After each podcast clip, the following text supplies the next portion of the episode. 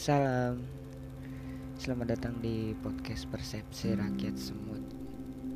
Oke, uh, karena ini adalah podcast pertama dari Rakyat Semut Jadi mungkin akan terdengar sedikit berantakan. Dan gue harap teman-teman pendengar setiap podcast akan memaklumi itu, oke? Oke, hari ini kita bakal ngobrol tentang Corona dan kriminalitas tapi sebelum ke situ uh, mungkin ada baiknya uh, kita bikin disclaimer dulu gitu ya. Gue perlu menggarisbawahi bahwa obrolan ini di sini kita gak bermaksud untuk menggurui atau bicara seolah-olah lebih tahu gitu ya. It's just my opinion jadi seperti biasanya yang namanya opini mungkin di luar sana ada yang pro ada yang kontra gitu ya itu udah di luar kendali gue dan itu sah-sah saja tentunya oke? Okay? oke okay, lanjut. Uh, kita lang langsung lanjut ke topik kita malam ini aja. Karena uh, udah bukan hal yang tabu lagi kalau misalnya kita ngobrolin soal pandemi ini.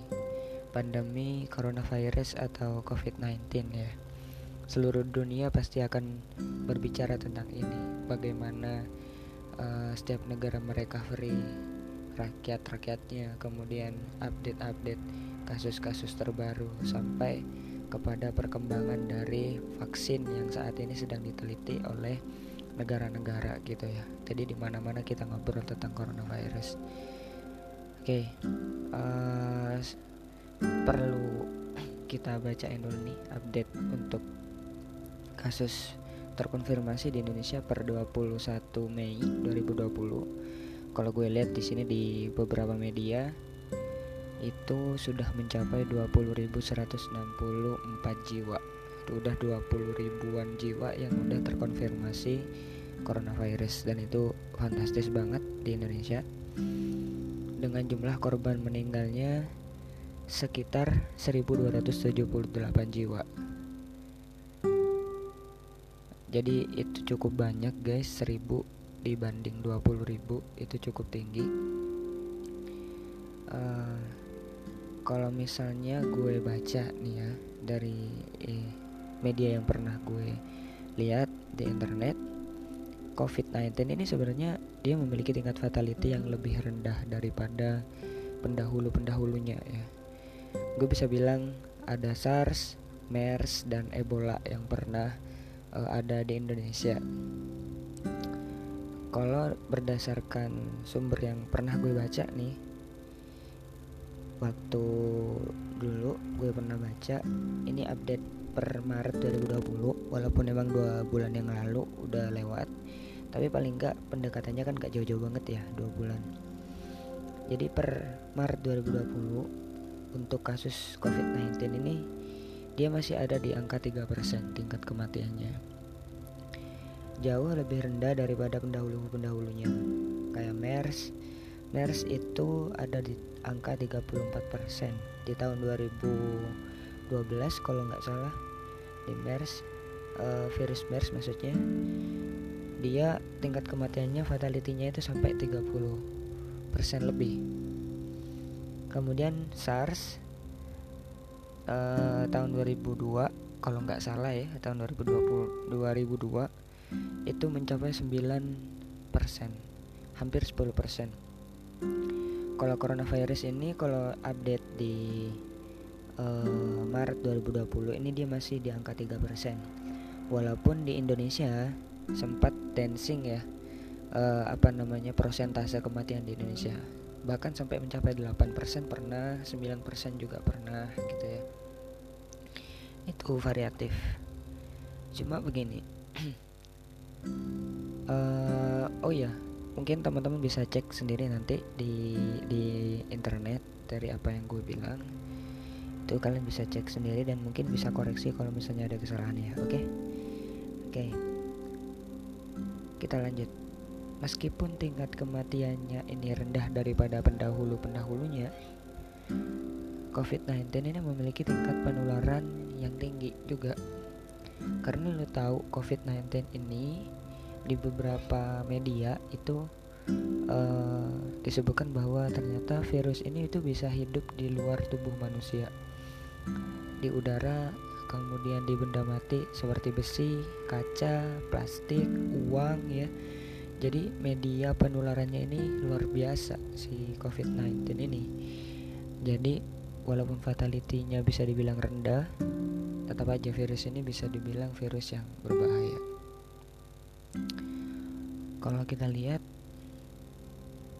di Indonesia sendiri ya itu udah banyak banget pihak-pihak yang memerangi COVID-19 ini mulai dari pemerintah kemudian teman-teman relawan teman-teman uh, public figure ya. Kemudian kanal-kanal media.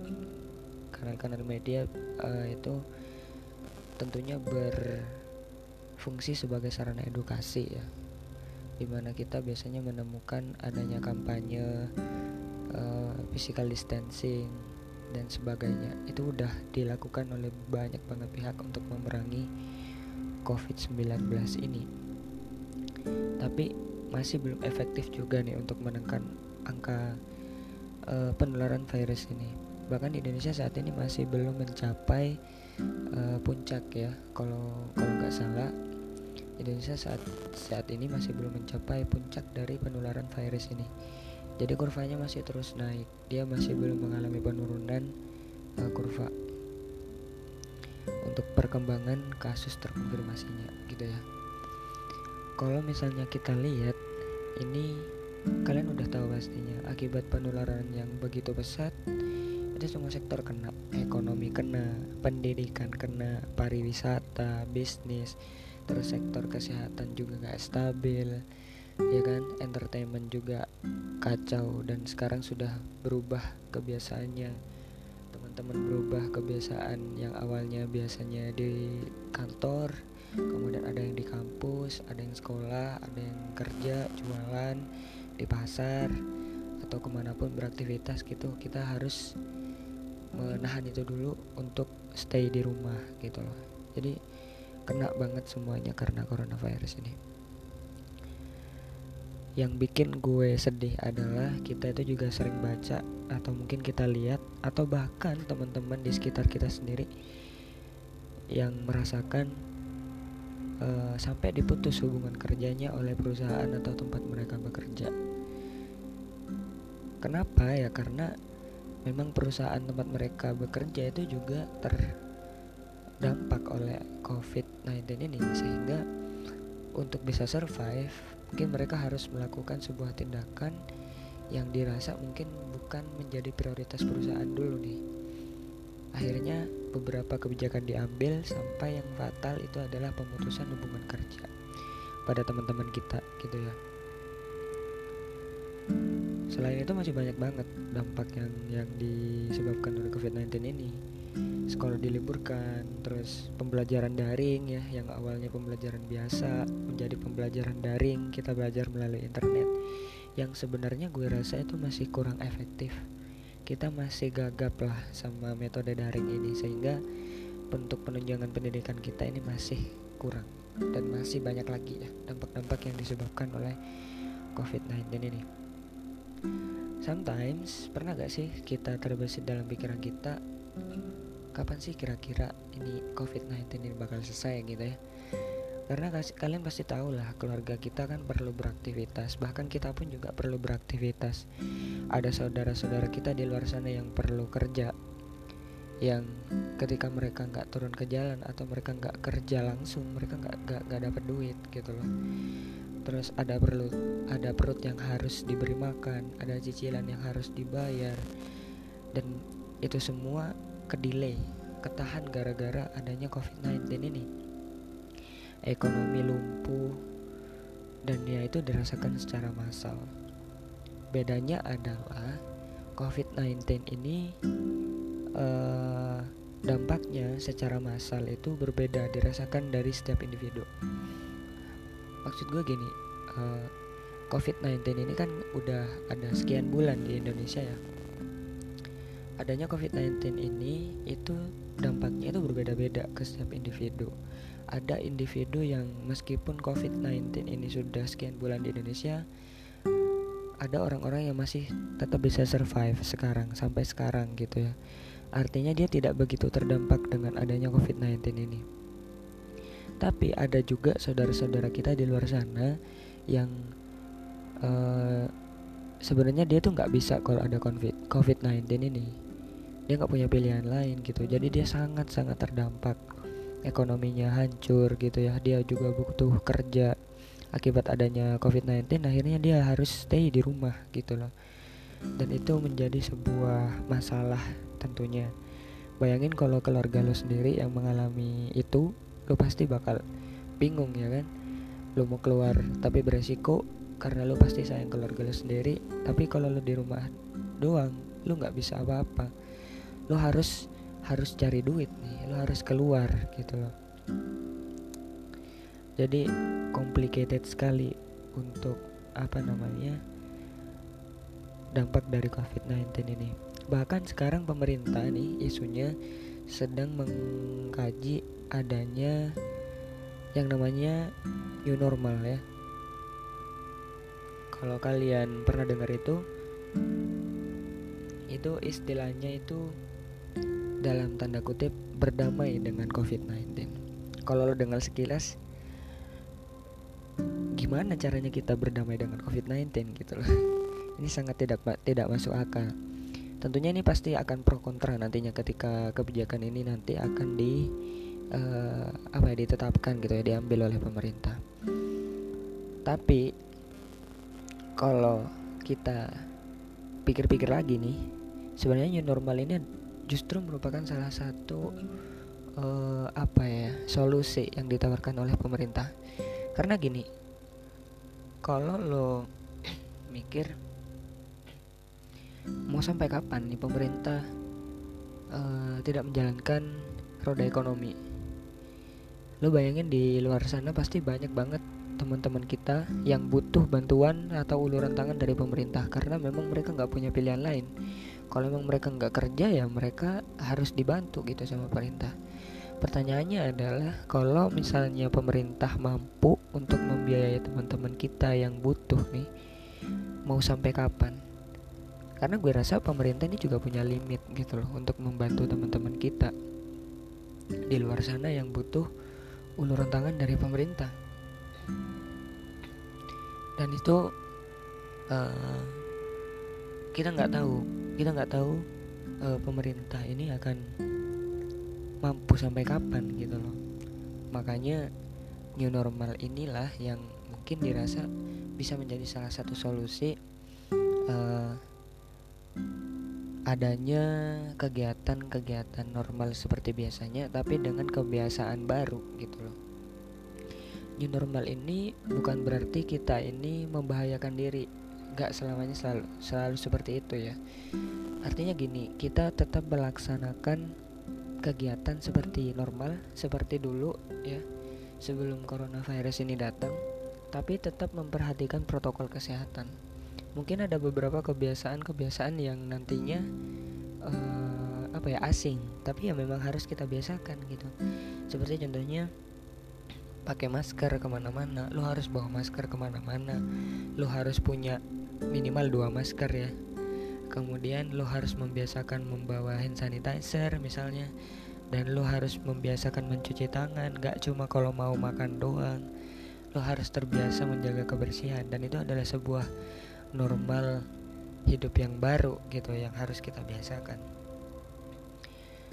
Itu adalah salah satu upaya supaya ekonomi ini tetap jalan. Meskipun memang mungkin tidak selancar ketika coronavirus ini belum masuk ke Indonesia perekonomian dulu lancar banget tapi bagaimanapun caranya kita harus bisa tetap survive melawan ini.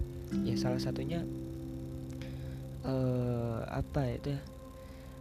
Dengan membiasakan hidup kita dengan ya new normal itu tadi kebiasaan-kebiasaan baru gitulah mungkin nanti akan dikaji lebih dalam oleh pemerintah karena gue rasa gue kurang capable untuk menjelaskan itu. Cuman paling nggak gue bisa ngasih gambaran lah sama teman-teman apa yang ada di dalam pikiran gue tentang new normal ini. Nah balik lagi nih tentang corona dan kriminalitas ya. Kalau untuk orang-orang yang nggak punya pilihan yang mau nggak mau mereka harus ambil resiko itu mereka harus keluar rumah mereka harus bekerja. Dan ketika pemerintah melarang itu dan bantuan ini ya kalau misal bantuan ini ternyata kurang sampai kepada teman-teman kita ini akan menjadi sebuah apa ya sebuah ancaman lah buat teman-teman kita. Karena mau nggak mau setiap individu itu pasti mikir gue harus bisa survive gue harus bisa survive gitu bahkan mungkin ketika semua ini memuncak ya ada teman-teman kita yang mungkin udah nggak tahan dan nggak bisa berbuat apa-apa justru mengarah pada kriminalitas.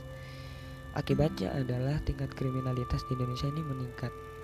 Lo bisa bayangin ya ini ini adalah logika yang gampang ketika lo nggak punya pilihan kemudian lo harus survive maka dalam tanda kutip hukum rimba lah. Mau nggak mau lah yang kuat yang menang gitu loh. Dan bagaimanapun caranya kita harus bisa menjadi orang yang kuat gitu. Bagaimanapun caranya akhirnya menghalalkan segala cara adalah pilihan terakhir.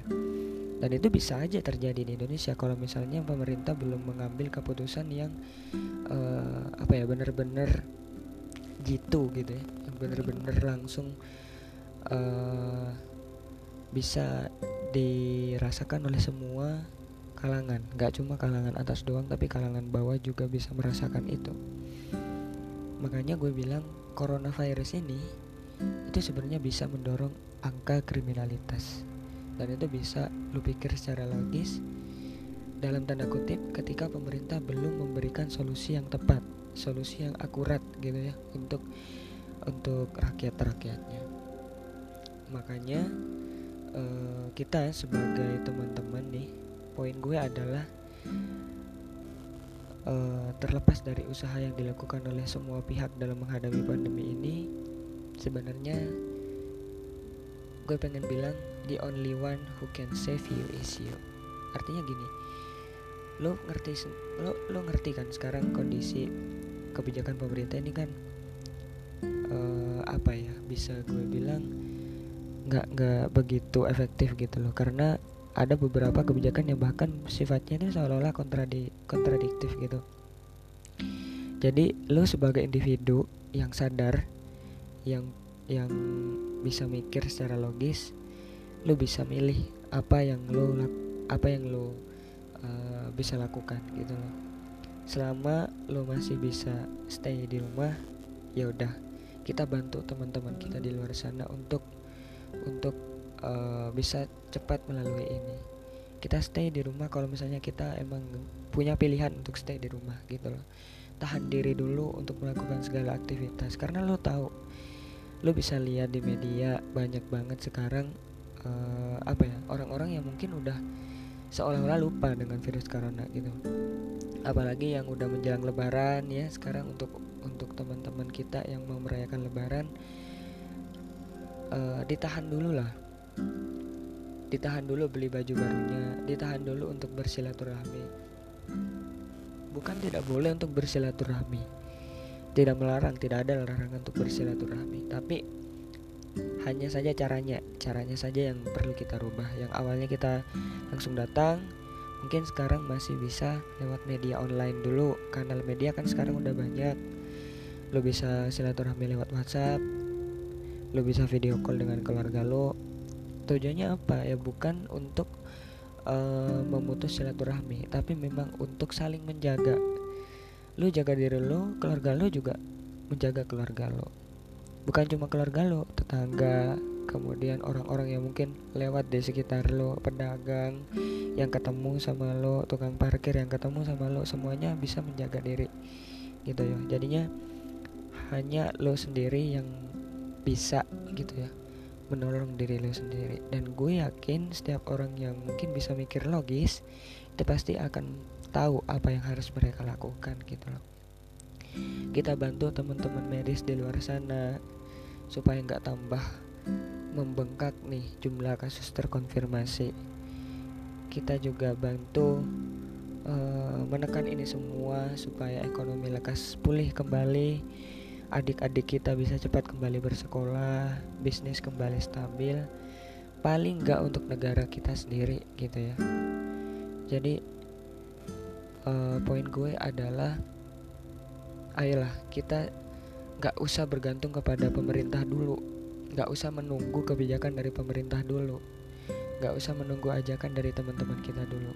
Paling nggak kita mengajak kepada diri kita sendiri gitu loh untuk sadar bahwa ternyata aware sama kasus ini itu penting gitu loh. Karena nggak cuma kebijakan dari pemerintah yang diberikan yang bisa memutus COVID-19 ini. Kita juga harus ambil andil di situ. Karena kebijakan ini nggak ada. Artinya kalau misalnya masyarakat dan kita sendiri ini nggak aware sama sama COVID-19 ini sendiri gitu ya. Mungkin segini dulu persepsi dari rakyat semut hari ini. Semoga itu bisa memberikan inspirasi buat teman-teman pesan-pesan positif buat teman-teman dan tentunya semoga kalian selalu dilindungi oleh Tuhan di rumah. Sampai jumpa di episode selanjutnya. Salam